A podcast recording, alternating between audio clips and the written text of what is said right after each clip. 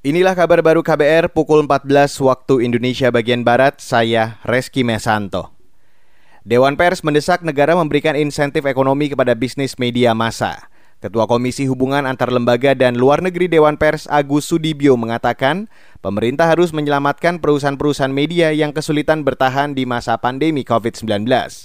Kata dia, media massa berperan terhadap edukasi politik, kesehatan, dan sosial negara hadir untuk memberikan alokasi anggaran untuk sosialisasi kebijakan-kebijakan kepada pers profesional. Anggaran untuk iklan, untuk media, atau kerjasama pariwara dengan media itu seyogyanya tidak dihilangkan atau dikurangi dari keadaan normal sebelum COVID-19. Ketua Komisi Hubungan Antar Lembaga dan Luar Negeri Dewan Pers Agus Sudibyo mengatakan, bisnis media masa mengalami penurunan iklan. Bahkan pembayaran iklan-iklan yang masuk terhambat karena krisis di masa pandemi COVID-19.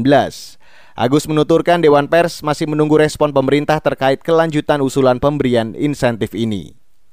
Beralih ke kabar selanjutnya, Presiden Joko Widodo mengapresiasi adanya fatwa Majelis Ulama Indonesia atau MUI terkait larangan mudik dan imbauan beribadah saat Hari Raya Idul Fitri 1441 Hijriah. Hal itu disampaikan Jokowi saat membuka gelaran rapat terbatas bersama organisasi Islam untuk membahas persiapan Lebaran yang akan segera tiba. Pemerintah mengucapkan, menyampaikan ucapan terima kasih yang sebesar-besarnya. Yang pertama kepada Majelis Ulama Indonesia (MUI), yang kedua kepada pengurus besar Nahdlatul Ulama, yang ketiga kepada PP Muhammadiyah Presiden Jokowi mengatakan dukungan dan bantuan dari pelbagai organisasi Islam sangat berarti bagi pemerintah dan masyarakat.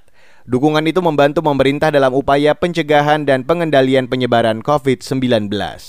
Presiden Jokowi mengatakan dukungan dan bantuan dari pelbagai organisasi Islam sangat berarti bagi pemerintah dan masyarakat. Dukungan itu membantu pemerintah dalam upaya pencegahan dan pengendalian penyebaran COVID-19. Beralih ke kabar dari mancanegara, Presiden Amerika Serikat Donald Trump kembali mengecam Organisasi Kesehatan Dunia atau WHO.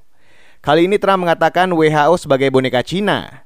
Kata dia, upaya yang dilakukan WHO dalam menangani pandemi COVID-19 sangat buruk. Dalam sebuah acara di Gedung Putih Senin waktu setempat, Trump mengatakan akan membuat keputusan tentang pendanaan Amerika Serikat untuk WHO secepatnya. Ia telah mempertimbangkan untuk mengurangi pendanaan Amerika Serikat untuk WHO. Amerika Serikat menyumbang sekitar 450 juta US dollar atau sekitar 6,7 triliun rupiah setiap tahun kepada WHO. Jumlah itu merupakan yang terbesar dibandingkan pemberian dari negara pendonor lainnya. Trump menyindir Cina yang hanya menyumbang sekitar 40 juta US dollar atau setara 600 miliar rupiah per tahun. Demikian kabar baru KBR saya Reski Mesanto.